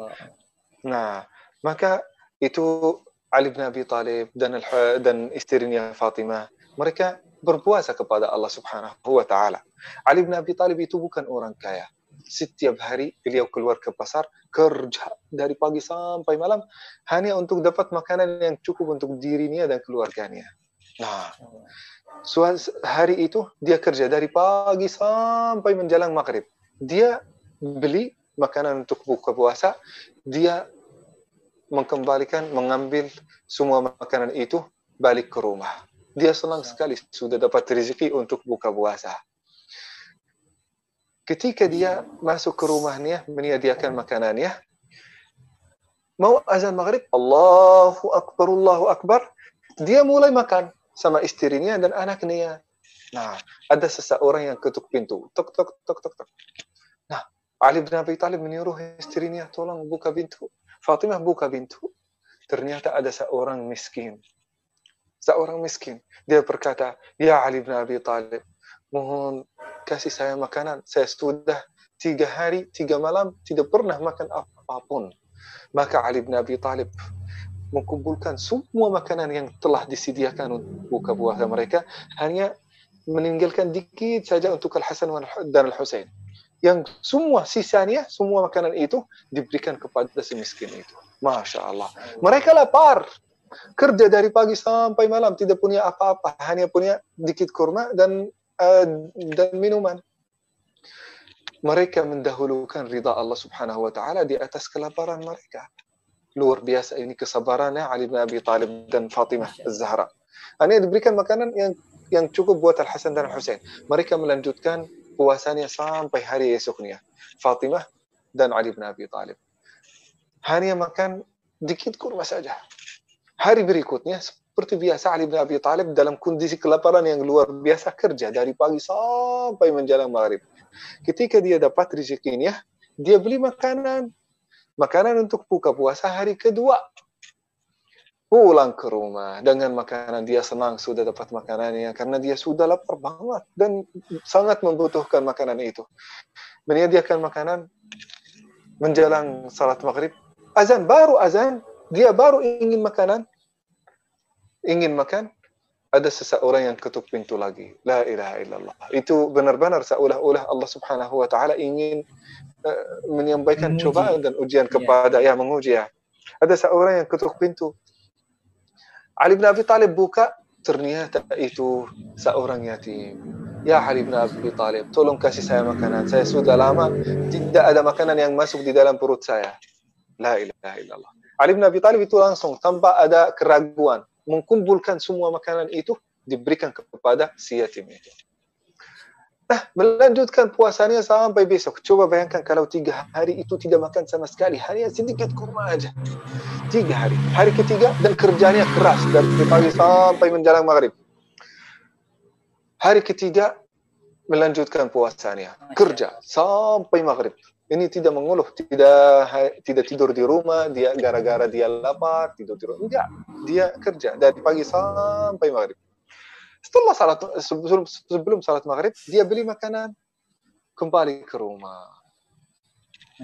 Menjelang azan maghrib, ada seorang yang ketuk pintu lagi. La ilaha illallah. Itu Fatimah dan Ali bin Abi Talib itu benar-benar sudah membutuhkan makanan itu. Sudah beberapa hari tidak makan apa-apa. Kelaparan mereka sudah luar biasa tapi mereka tetap mendahulukan ridha Allah Subhanahu wa taala di atas kebutuhan mereka. Coba lihat ya adik-adik, kalau kita kadang-kadang kita lagi punya di dalam saku kita ada 10 ribu, ada seseorang yang tidak pernah makan, Ah, kadang-kadang kita berkata, oh saya juga ingin makan siang, saya juga ingin belum makan pagi. Ah, padahal itu Ali bin Abi Thalib bukan hanya makan pagi sepanjang satu hari, bahkan sepanjang tiga hari. Tiga hari. Hari ketiga, ya tiga hari itu ada seorang yang ketuk pintu, dibuka pintunya, ternyata itu seorang tawanan yang baru keluar dari penjara. Dan saat itu orang yang baru kerja keluar dari penjara ingin mencari makanan tidak ada. Ingin kerja tidak ada orang yang ingin memberikan kerja kepada dia. Karena ada tanda tanya tentang dia. Ini baru keluar dari penjara apain saya kasih dia kerja? Nah jadi tidak ada orang yang ingin memberikan kepada dia makan dan tidak ada ingin tidak ada orang yang ingin kasih dia kerja. Sehingga dia lapar minta makanan dari Ali bin Abi Thalib, diberikan makanan itu yang telah disediakan untuk buka puasa mereka. Nah, kisah itu telah dilukiskan di dalam surat Al-Insan. Surat Al-Insan ya itu Allah Allah Subhanahu wa taala berfirman, "Wa yut'imuna at-ta'ama 'ala hubbihi miskina, miskina wa yatima wa asira." Mereka memberikan makanan kepada miskin, yatim miskin hari pertama, yatim hari kedua, tawanan hari ketiga, hari ketiga. wa asira. Nah, ayat berikutnya innama nut'imukum liwajhillah la nuridu minkum jazaa'a wala syukura kami memberikan makanan kepadamu hanya semata-mata karena Allah Subhanahu wa taala. Dari kisah ini, wah itu banyak pelajaran. Awalnya Ali bin Abi Thalib ini tidak pernah menceritakannya kepada orang lain. Rasulullah sallallahu alaihi wasallam menerima wahyunya dan menceritakannya kepada kepada sahabat. Jadi kita saat kita melakukan amal saleh itu berusaha untuk kita berusaha untuk merahasiakannya karena tidak ingin pujian dari siapa pun hanya dari Allah Subhanahu wa taala. Yang kedua, kesabarannya luar biasa itu. Kesabarannya luar biasa. Mengalami kelaparan, sangat juga membutuhkan makanan itu. Dia sudah kerja dari pagi sampai malam dan itu makanannya milik dia. Nah, dia mendahulukan apa yang diinginkan dan dicintai Allah Subhanahu wa taala di atas kebutuhan dirinya sendiri. Dan juga kita belajar tentang ke, ke keutamaan infak apalagi di bulan Ramadan. Kita berusaha untuk mendahulukan orang lain. Infak sebagaimana antum menyampaikan tadi banyak orang yang mengalami kesakitan sekarang dalam kondisi wabah. Banyak dokter dan staf medis tidak menemukan baju tidak menemukan masker tidak menemukan alat-alat yang menjaga kesehatan mereka nah melindungi diri. Nah itu semuanya insya Allah dengan infak kita mendahulukan mereka atas keinginan dan kebutuhan diri kita sendiri. Insya Allah Allah Subhanahu wa taala akan meridai kita. Kan saya katakan dengan ini ya ada ya Ah, ya. Allah Subhanahu wa taala berfirman langsung ketika menjelaskan tentang bahwasanya Ali bin Abi Thalib itu telah memberikan kepada seorang tawanan dan yatim dan dan miskin. Allah Subhanahu wa taala berfirman setelahnya, "Fawaqahumullahu syarra dzalikal yawm wa laqahum nadratan wa surura." Allah Subhanahu wa taala melihat mereka dengan pandangan yang penuh dengan ampunan, mengampuni seluruh dosanya dan memberikan kepada mereka gara-gara apa yang mereka lakukan memberikan kepada mereka surga Allah Subhanahu wa taala yang paling tinggi. Jadi adik-adik, gara-gara amal saleh kita yang diikhlaskan kepada Allah Subhanahu wa taala di bulan Ramadan ini, ridha Allah Subhanahu wa taala akan diberikan kepada kita yang lebih besar daripada itu derajat yang paling tinggi di surga. Amin. Baik, Syekh, terima kasih atas jawabannya. Semoga ini cerita yang tadi disampaikan oleh Syekh Yazin bisa menyemangati kita semua bisa menjadi motivasi Amin, untuk ya kita semua agar bisa menjalankan Ramadan ini dengan penuh uh, sukacita dan uh, mengaitkannya sebagai makna syahud tarbiyah seperti itu. Dan uh, mungkin Syekh karena kita saat ini sedang bergelut dengan waktu kita dikejar dengan waktu kita akan sedikit percepat uh, perjalanan ataupun acara ini. Uh, ada satu pertanyaan yang mungkin bisa dijawab secara singkat Syekh tips hmm. untuk terus istiqomah dan terus menjadikan bulan Ramadan sebagai bulan untuk pembelajaran. Mungkin dari Ramadan kita lebih baik mempertahankannya sampai bulan Ramadan selanjutnya lebih baik lagi dan sebagainya. Nah, sebagaimana yang disampaikan tadi, kita berusaha untuk memaksa. Itu sudah kita selesai. Yang kedua, kita berusaha untuk selalu baca keutamaan-keutamaan atau kemuliaan amal saleh yang kita ingin, yang kita targetkan. Kita targetkan untuk menjadi hafiz Al-Quran. Apa keutamaannya? Kita ketik di Google, keutamaan penghafal Al-Quran, keutamaan membaca Al-Quran. Akan dikeluarkan banyak hadis-hadis tentang ini, puluhan tentangnya. Nah, saat kita membaca keutamaan dan manfaat saat melakukan amal saleh itu, kita akan membandingkannya dengan uh, dengan apa? Godaan-godaan yang akan datang saat kita melakukan amal saleh itu. Kadang-kadang kalau kita lagi baca Al-Quran, tiba waktu untuk ada uh, episode Korea atau ada film atau ada uh, uh, ada sepak bola antara Real Madrid dan Barcelona kita kadang-kadang kalau kita belum baca keutamaan membaca Al-Quran, kita akan mendahulukan Barcelona dan Real Madrid, Messi dan Ronaldo di atas bacaan Al-Quran. Karena kita belum tahu manfaat apa kita akan dapat dari Al-Quran. Tapi kalau kita sudah baca dan memahami apa manfaatnya dan pahalanya apa, kita akan membandingkan. Saat saya baca satu huruf, dapat 10 kebaikan. 10 kebaikan ini bisa dilipat gandakan sampai 700 kebaikan. Wah, ini luar biasa. Kalau saya lihat Real Madrid Barcelona, itu berapa pahalanya? Tidak ada pahalanya. Saya mendahulukan Al-Quran. Nah, saat itu kita akan mendahulukan kita akan mendahulukan amal saleh setelah paksa dan juga belajar tentang keutamaannya. Setelah itu kita harus mengkelilingi diri kita dengan orang yang saleh yang benar-benar mereka sudah memperhatikan amal saleh itu. Kita ingin menjadi hafiz, kita mendekatkan orang yang sudah hafal Al-Quran. Kita ingin menjadi qari, kita mendekatkan orang yang sudah jadi qari. Dengan pendekatan itu, kita naltamisu min nurikum. Kita akan dapat sebagian dari ilmu mereka, dapat bagian dari semangat mereka. Dan setelah itu kita mengkelilingi diri kita dengan teman-teman yang benar-benar mencintai kita karena Allah Subhanahu wa taala tanda teman-teman yang mencintai kita karena Allah Subhanahu wa taala akan selalu menegur kita kalau kita melakukan kesalahan. Kalau kita kurang semangat memberikan semangat kepada kita. Kalau kita lagi jauh dari Allah Subhanahu wa taala, mereka akan menarik kita dekat kepada Allah Subhanahu wa taala. Itu uh, ciri-ciri teman yang salah. Insyaallah dengan itu empat hal itu cukup untuk Baik, membuat kita istiqamah kepada Allah Subhanahu wa taala. Amin amin ya Allah ya rabbal alamin. Uh, itu dia teman-teman ada beberapa tips tadi yang telah disampaikan yang insyaallah ketika kita bisa mengamalkan tips-tips itu insya Allah kita akan bisa uh, istiqomah dan terus menjadikan Ramadan ini sebagai bulan untuk pembelajaran diri. Dan Syekh, um, sepertinya ada satu lagi pertanyaan uh, yang silakan. Masih bisa Masya Allah ini pertanyaan sangat luar biasa. Saya bacakan Syekh. Izin bertanya Syekh, sudah banyak kisah yang menggambarkan hebatnya peradaban pendidikan Islam di masanya. Dan para pendahulu kita selain bagus dan keren ilmu agamanya, juga hebat dalam ilmu pengetahuan, Syekh. Um, tetapi jika melihat kondisi saat ini, sedikit dari kita yang paham ilmu agama dan menjadi ahli di bidang ilmu pengetahuannya. Dengan Ramadan yang sama, Al-Quran yang uh, Al-Quran dan Sunnah yang sama, apa yang perlu diperbaiki dalam implementasi sistem nah, pendidikan bisa, untuk umat Muslim ini, Syekh? Hmm, bisa disingkatkan oleh Anton uh, pertanyaannya lagi?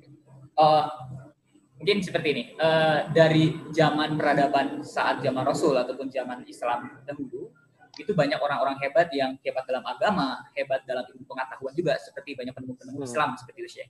Tetapi saat ini malah berkurang gitu, sepertinya berkurang orang yang paham ilmu agama, orang yang uh, hebat dalam ilmu pengetahuan itu berkurang. Kira-kira apa yang salah dan apa yang harus diperbaiki dalam sistem pendidikan seperti itu. Ya betul ya. Sebenarnya sekarang kenapa kesalahan itu di mana?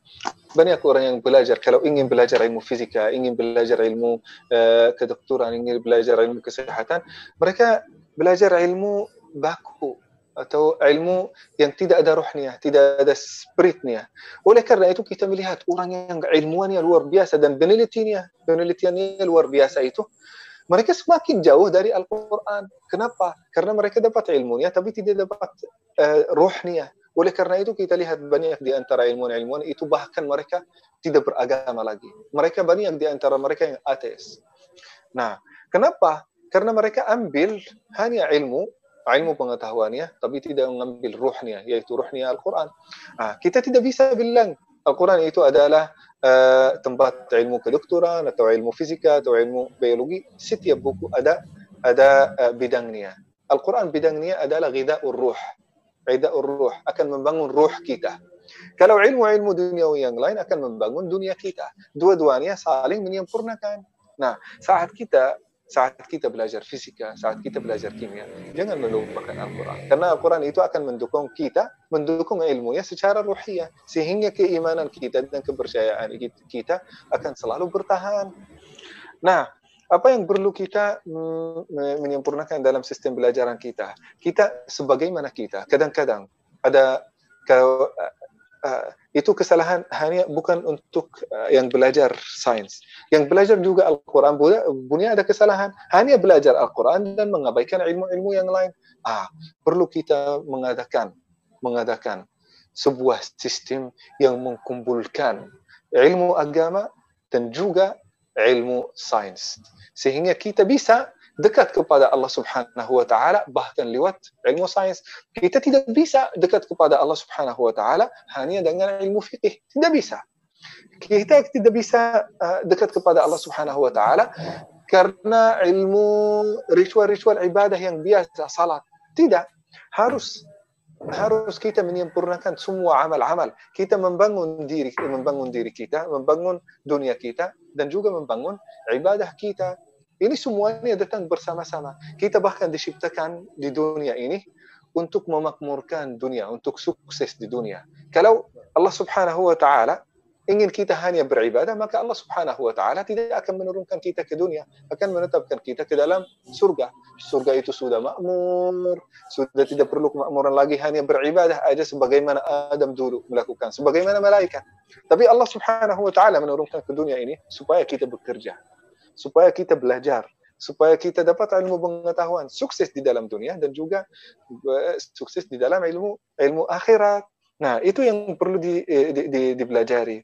Nah, sebagaimana kita memperhatikan ilmu akhirat, kita juga memperhatikan dunia. Sebagaimana kita ada sebagian di antara kita yang memperhatikan ilmu dunia, kita juga memperhatikan ilmu akhirat. Alhamdulillah banyak di antara teman-teman di Salman ETB saya punya pengalaman yang baik di dalam Salman ETB karena ketika baru datang ke Indonesia saya jadi imam di Masjid Salman dan mengajar bahkan di sana. Uh, Masya Allah di antara anak-anak Salman itu Masya Allah banyak orang yang memperhatikan sukses di dalam di dalam S1 mereka, di dalam di dalam kampus mereka, tapi juga juga sukses dalam melakukan ritual-ritual ibadah mereka. Memperhatikan bacaan Al-Quran dan juga memperhatikan uh, assignment dan tugas yang akan diberikan dari kampus. Jadi kita sukses dalam dua hal. Nah, dan itu tidak susah insya Allah bagi kita semuanya. Kita sekarang mencari seorang yang sukses dalam ilmu dunia dan juga sukses dalam ilmu akhirat. Jarang sekali ditemukan zaman sekarang. Jarang sekali. Seperti Ibnu Sina, Al-Farabi, Ibn Al-Kindi, Ibn Al-Nafis. Ini semuanya sukses dalam ilmu akhirat dan juga sukses dalam ilmu dunia banyak di antara mereka yang menulis banyak muallafat, banyak buku-buku tentang kesehatan, banyak buku-buku tentang fisika, banyak buku-buku tentang kimia. Tapi kalau dilihat, dipandang segi agama mereka, agama mereka sangat sempurna. Nah, itu yang kita inginkan mungkin dari adik-adik kita insya Allah di masa depan. Masya Allah, Alhamdulillah. Terima kasih Syekh atas jawabannya. Semoga bisa menjawab pertanyaan tadi dari uh, saudara Muhammad Rehan Aziz dan betul sekali, Syekh, um, apa yang kita lalui sekarang itu um, kadang ada orang yang uh, terlalu mengutamakan akademik ataupun uh, duniawinya tapi sampai mengabaikan akhirat dan begitu pun sebaliknya. Jadi hmm. alangkah lebih baiknya sama-sama diperjuangkan ya, Syekh. Sama-sama diutamakan gitu, Betul ya. Betul, betul sekali. Terima kasih, Syekh. Um, dan uh, ada satu lagi pertanyaan, Syekh. Silakan. Ini namanya ini sepertinya pakai akun YouTube dari AM Studio Stories. Siapa namanya? Saya ucapkan Assalamualaikum. Selamat sore. Uh, pertanyaannya. Waalaikumsalam warahmatullahi uh, Izin bertanya, Syekh. Kadang di suatu titik merasa bahwa waktu yang diberikan kurang untuk beramal. Lantas bagaimana manajemen waktu yang baik agar bulan Ramadan ini menjadi lebih bermakna, Syekh? Jadi lebih ke manajemen waktu untuk beramal, Syekh. Nah, kalau manajemen waktu itu insya Allah sederhana. Kita tulis di dalam satu kertas amalan-amalan apa yang kita harus lakukan, yang kita ingin lakukan, ingin lakukan dulu ya. Setelah itu kita memilih amal yang paling argen, yang paling argen dan paling penting. Ada amal yang argen tapi tidak penting. Kita milih amal yang paling argen, argen yang harus dilakukan cepat dan juga penting dengan waktu yang sama. Itu yang paling pertama yang harus dilakukan. Kalau kita sudah selesai, ya udah amal yang lain yang penting. Nah, setelah itu amal yang penting. Uh, pertama, amal yang argen penting. Yang kedua, amal yang penting. Yang kedua, amal yang tidak ya, amal yang argen atau tidak penting. Nah, itu yang perlu kita mm, memprioritaskan. Yang pertama selalu amal yang argen, tapi juga penting. Ah, seperti apa? Sekarang kita di bulan Ramadan. Kita di, di bulan Ramadan. Banyak amal yang penting. Zikir penting, puasa penting, uh, uh, amal saleh itu penting, qiyamul lail itu penting, uh, salat tarawih itu penting. Tapi yang paling urgent itu apa? Kadang-kadang sekarang, sekarang kita lagi pernah melakukan dosa sampai sekarang kita belum belum taubat kepada Allah Subhanahu wa taala. Ya Allah, saya pernah melakukan itu, saya pernah melakukan satu, dua, tiga. Sampai sekarang saya belum saya belum bertaubat kepada Allah Subhanahu wa taala. Maka amal yang paling pertama, amal yang paling urgent dan paling penting kita harus bertaubat kepada Allah Subhanahu wa taala. Nah, itu amal yang paling penting. Nah, karena bisa jadi amal-amal saleh yang kita lakukan sekarang semuanya ada manfaatnya dalam hadis atau dalam asar. Para ulama berkata, at-takhalli qabla at-tahalli. Nah, seorang harus membersihkan hatinya sebelum menghiasi niat atau mengisi niat dengan amal saleh dan ibadah. Kalau hati kita bersih, diisi dengan ibadah yang bersih, jadi bersih. Tapi kalau kita hati kita kotor, terisi dengan maksiat dan dosa, kalau diisi dengan ibadah, walaupun ibadah yang suci, ikut kotor. Nah, makanya seperti cangkir, seperti gelas. Kalau ada seseorang punya gelas. Gelas ini ya, gelas ini ya kotor, berdosa, banyak dosanya, diisi dengan air yang bersih, ibadah yang bersih, ikut kotor karena gelasnya kotor. Tapi kalau gelasnya sudah bersih, gelasnya bersih, diisi dengan ibadah yang bersih, ikut bersih. Itu bersih. Makanya kita harus uh, ini yang pertama yang paling urgent uh, uh, ini taubat. Setelah itu kita melihat sunnah Rasulullah Sallallahu Alaihi Wasallam. Rasul Sallallahu Alaihi Wasallam yang paling rajin melakukannya apa? Baca Quran. Kedua, salat tarawih. Ketiga, infak. Keempat, i'tikaf akhir-akhir bulan Ramadan. Ke, uh, berikutnya, memaafkan orang lain. Dan memaafkan orang lain ini penting ya. Karena ya. di dalam hadis yang sahih, uh, setiap orang setiap manusia itu akan diampuni oleh Allah Subhanahu wa taala di bulan Ramadan kecuali orang yang masih ada perselisihan dan masalah antara dirinya dan saudaranya. Jadi kita itu hari yang sangat urgent kita mencari dan berpikir, ya Allah, 10 tahun yang lalu saya pernah itu berselisihan sama teman, saya pernah berselisihan sama mantan. Nah, gitu. Itu semuanya harus ditulis, dicatat, minta maaf dari mereka semuanya supaya amal saleh itu diterima dan juga uh, dosa di, diampuni oleh Allah Subhanahu wa taala. Amin, amin ya Allah ya alamin. Terima kasih Syekh atas jawabannya. Dan uh, karena kita sudah ada di penghujung acara, sayang sekali Syekh karena waktu kita yang tidak cukup banyak, tapi masih banyak rekan-rekan yang antusias dalam uh, menyimak uh, acara pada sore ini. Mungkin saya akan uh, langsung saja memberikan kesempatan Syekh untuk memberikan closing statementnya untuk menutup acara ini. Silakan Syekh. Saya persilakan. Nah, uh, adik-adik uh, yang dimuliakan Allah Subhanahu wa taala, bisa jadi dan saya yakin saya husnuzan kepada semua teman-teman yang lagi menonton kita sekarang. Kita alhamdulillah sejak mulai bulan bulan Ramadan kita sudah rajin membaca Al-Quran, rajin salat tarawih setiap malam, mengikuti salat uh, lima waktu. Bisa jadi kalau ada seseorang di antara kita infak akan infak. Banyak amal saleh kita sudah mengisi hati hari kita dengan amal saleh, malam kita dengan ibadah juga qiyamul. Itu luar biasa. Tapi bisa jadi adik-adik, bisa jadi ya. Bisa jadi amal saleh itu tidak bernilai. Bisa jadi amal saleh itu tidak diterima oleh Allah Subhanahu wa taala. Yang menerimanya Allah Subhanahu wa taala dengan beberapa syarat. Yang pertama, harus kita ikhlaskannya kepada Allah Subhanahu wa taala. Jangan mengharap dari siapa pun. Yang kedua, yang kedua, harus kita memperhatikan amal-amal saleh yang mendukung supaya uh, amal itu diterima oleh Allah Subhanahu wa taala di antaranya birrul walidain berbakti kepada orang tua Nah, kalau ada seseorang rajin melakukan amal soleh, ibadah malam, hari, siang hari, tapi dia ada masalah dengan dirinya dan orang tuanya, berarti ada masalah dalam ibadahnya. Belum tentu akan diterima oleh Allah Subhanahu wa taala. Jadi berbakti kepada orang tua supaya amal saleh itu insya Allah diterima oleh Allah Subhanahu wa taala. Durhaka kepada orang tua apa pun yang engkau lakukan semuanya akan uh, debu yang berterbangan tidak akan diterima oleh Allah Subhanahu wa taala. Jadi muliakanlah orang tua. Yang ketiga, muliakanlah uh, pasangan hidupmu. Kalau engkau sudah nikah, mungkin saya yakin sebagian besar dari peserta dan penonton ini mereka masih lajang, masih lajang. belum, ya, belum pernah belum nikah. Nah, nanti kalau sudah nikah, apabila sudah ditakdirkan sudah nikah, muliakanlah pasangan hidupmu. Karena kalau memuliakan pasangan hidupmu itu salah satu uh, hal yang mendukung amal saleh kita sehingga akan diterima oleh Allah Subhanahu wa taala. Yang ketiga juga ya adik-adik ya.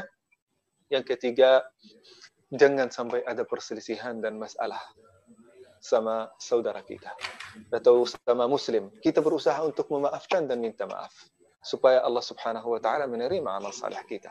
Sebagaimana yang disampaikan tadi, setiap orang akan diampuni dosanya kecuali orang yang masih ada permasalahan antara dirinya dan saudaranya, masih ada rasa benci, masih ada rasa uh, dengki, masih ada rasa berselisihan. Nah, kita selesaikan itu semua supaya amal saleh itu diterima. Biarkanlah orang itu biarlah orang itu sudah menzalimi kita, sudah mengambil hak kita, sudah menyakiti perasaan kita, bahkan berlama-lama kita memikirkan masalah itu, kita mengampuni dia dan memaafkan dia, bukan karena dirinya, tapi kita memaafkan dia supaya kita Allah dapat pemaafan dari Allah Subhanahu wa taala. Kita mengampuni dia supaya Allah mengampuni dia. Bagaimana engkau ingin diampuni oleh Allah Subhanahu wa taala sedangkan engkau tidak pernah mengampuni manusia?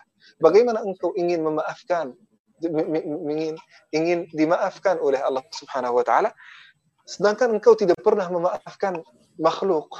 Ah, kita memaafkan Betul. makhluk dan manusia supaya Allah Subhanahu wa taala memaafkan kita dunia dan akhirat. Dan yang terakhir terakhir illa bihablin minallah wa hablum minan nas kita sudah sekarang berusaha untuk menyempurnakan hubungan kita sama Allah Subhanahu wa taala maka kita juga berusaha untuk menyempurnakan hubungan kita sesama manusia wa hablum minan nas. Dan dengan hal itu kita akan menjadi seimbang insyaallah dan Baik, amal saleh insyaallah diterima oleh Allah Subhanahu Silahkan. Luar biasa sekali Syekh. Terima kasih banyak atas closing statementnya dan mungkin karena waktu sudah mepet, uh, saya akan sedikit memberikan closing statement uh, juga. Jadi uh, teman-teman yang telah hadir dalam acara ini ini merupakan momen yang terbaik di bulan Ramadan ini untuk kita berubah, untuk kita memulai sesuatu yang Eh, lebih baik lagi, kita mulai membiasakan dengan cara memaksakan diri untuk melakukan hal-hal yang baik dan menjauhi hal-hal yang buruk. Langkah besar dimulai dari langkah yang kecil, hal besar juga dimulai dari hal yang kecil. Jadi tidak ada lagi alasan untuk kita tidak memulai. Sekarang adalah saatnya kita memulai untuk melakukan hal baik dan saat ini adalah momen yang tepat untuk kita bisa membiasakan diri menjadi orang yang terbaik hingga kita bisa uh, mendapatkan gelar sebagai seseorang yang takwa. Amin ya Allah ya Rabbal Alamin. Ya Baik Syekh, uh, karena ini sudah di akhir uh, acara, saya akan sedikit menyampaikan terlebih dahulu kepada hadirin sekalian yang dirahmati Allah. Siaran ini terselenggara atas dukungnya berbagai, dukungan berbagai pihak sponsor. Dan mari uh, ikut mendukung kampanye Follow for Donate dari Badan Wakaf Salman dengan cara mengikuti atau memfollow akun Instagram dari @wakafsalman.itb jamaah telah mampu berdonasi senilai Rp5.000 bagi pengadaan APD untuk tenaga medis melalui Jabar Puskesmas. Mitra resmi Lembaga Sosial Pikobar. Untuk donasi dapat disampaikan juga melalui rekening yang uh, berada di running text di bawah. Jadi teman-teman jangan lupa untuk follow akun Instagram dari wakafsalman.itb. Teman-teman itu sama dengan berdonasi senilai Rp5.000 rupiah seperti itu. Dan untuk uh, hadirin yang uh, dirahmati Allah juga, jangan lewatkan program-program dari um, Ramadan program-program dari Bincang Ramadan yang dilaksanakan oleh P3RI masih ada dua lagi, Syekh. Jadi setelah ini mungkin uh, beberapa hari ke depan masih akan ada kegiatan, masih ada dua narasumber yang uh, tidak kalah menariknya. Jadi kita sama-sama mencari ilmu dari banyak narasumber. yang bisa disaksikan di live eh, YouTube channel di Salman TV seperti itu Syekh. Terima kasih banyak Syekh Allah. atas waktunya. Sama-sama.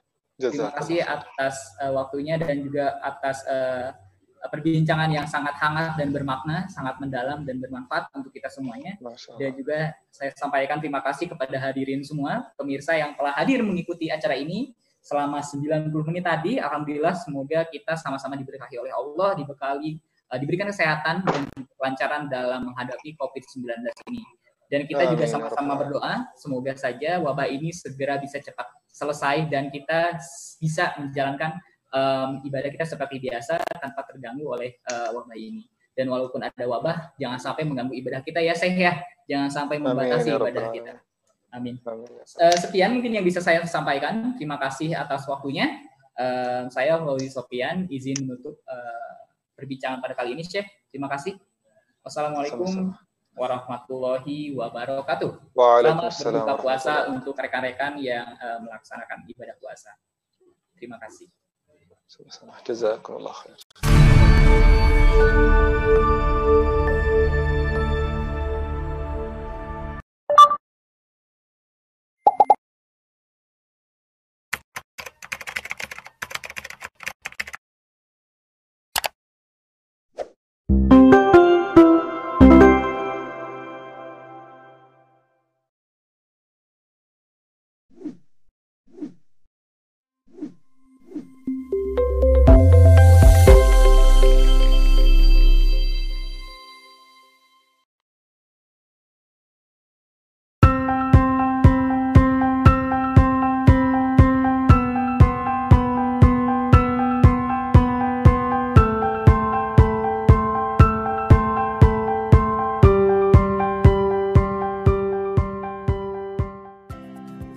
Assalamualaikum warahmatullahi wabarakatuh.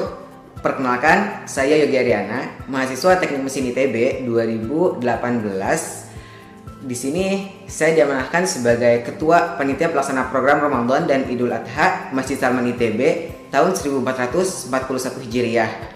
Oke, mengingat situasi dan kondisi yang ada pada saat ini di mana negara kita berada di tengah-tengah pandemi COVID-19 yang semakin memuncak sehingga banyak bentuk program dan bentuk acara lainnya menjadi dibatalkan atau dibatasi. Nah, begitu pula dengan kegiatan Ramadan dalam hal ini panitia pelaksana program Ramadan atau kita sebut dengan P3RI setiap tahunnya memberikan pelayanan bagi jemaah, bagi masyarakat untuk bisa melaksanakan nuansa Ramadan di Masjid Salman. Nah, karena itu kami di sini berikhtiar untuk memberikan pelayanan dalam bentukan lainnya, di mana bentukan ini pun insya Allah akan mendukung seluruh komponen yang turut serta untuk menghentikan laju COVID-19 di negara kita ini. Yang pertama ialah poin edukasi, di mana bentukan kajian online dan kelas online kami coba adakan. Dalam hal ini kami akan memberikan pelayanan dalam bentuk kajian-kajian online yang insya Allah bisa untuk dikonsumsi atau diterima untuk seluruh lapisan masyarakat. Kemudian poin yang kedua ialah poin keberkesanan. Bagaimana caranya supaya Ramadan tahun ini tetap bisa memberikan keberkesanan bagi kita sehingga meskipun kita berada di tengah-tengah COVID-19 ini kita masih tetap bisa untuk merasakan nikmatnya Ramadan untuk bisa tetap merasakan nikmatnya ibadah juga di bulan Ramadan karena Ramadan ini seperti kita ketahui banyak pahala dan ampunan yang berada di dalamnya. Kemudian poin yang ketiga ialah poin semangat berkarya. Nah, mana poin semangat berkarya ini kami coba inisiasikan ya, terutama bagi generasi-generasi muda eh, yang mana dalam hal ini kami coba eh, dalam program lomba-lomba.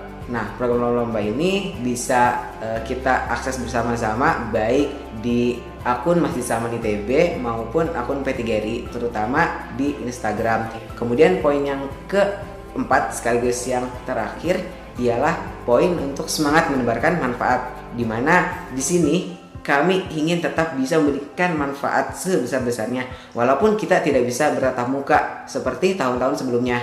Nah, maka dari itu di sini kami ingin tetap memberikan pelayanan dan juga poin kebermanfaatan kepada seluruh masyarakat sehingga harapannya Ramadan tahun ini akan menjadi Ramadan yang tetap berkesan, Ramadan yang bahkan dikenang, Ramadan yang menjadi starting point untuk bisa menjadi pribadi yang lebih baik lagi.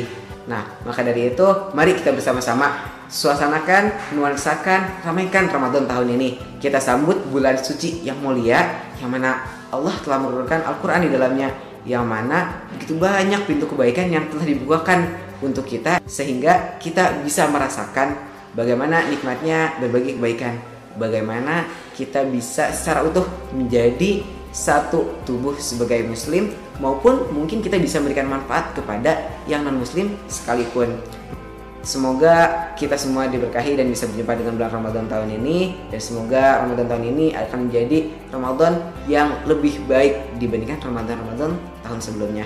Assalamualaikum warahmatullahi wabarakatuh.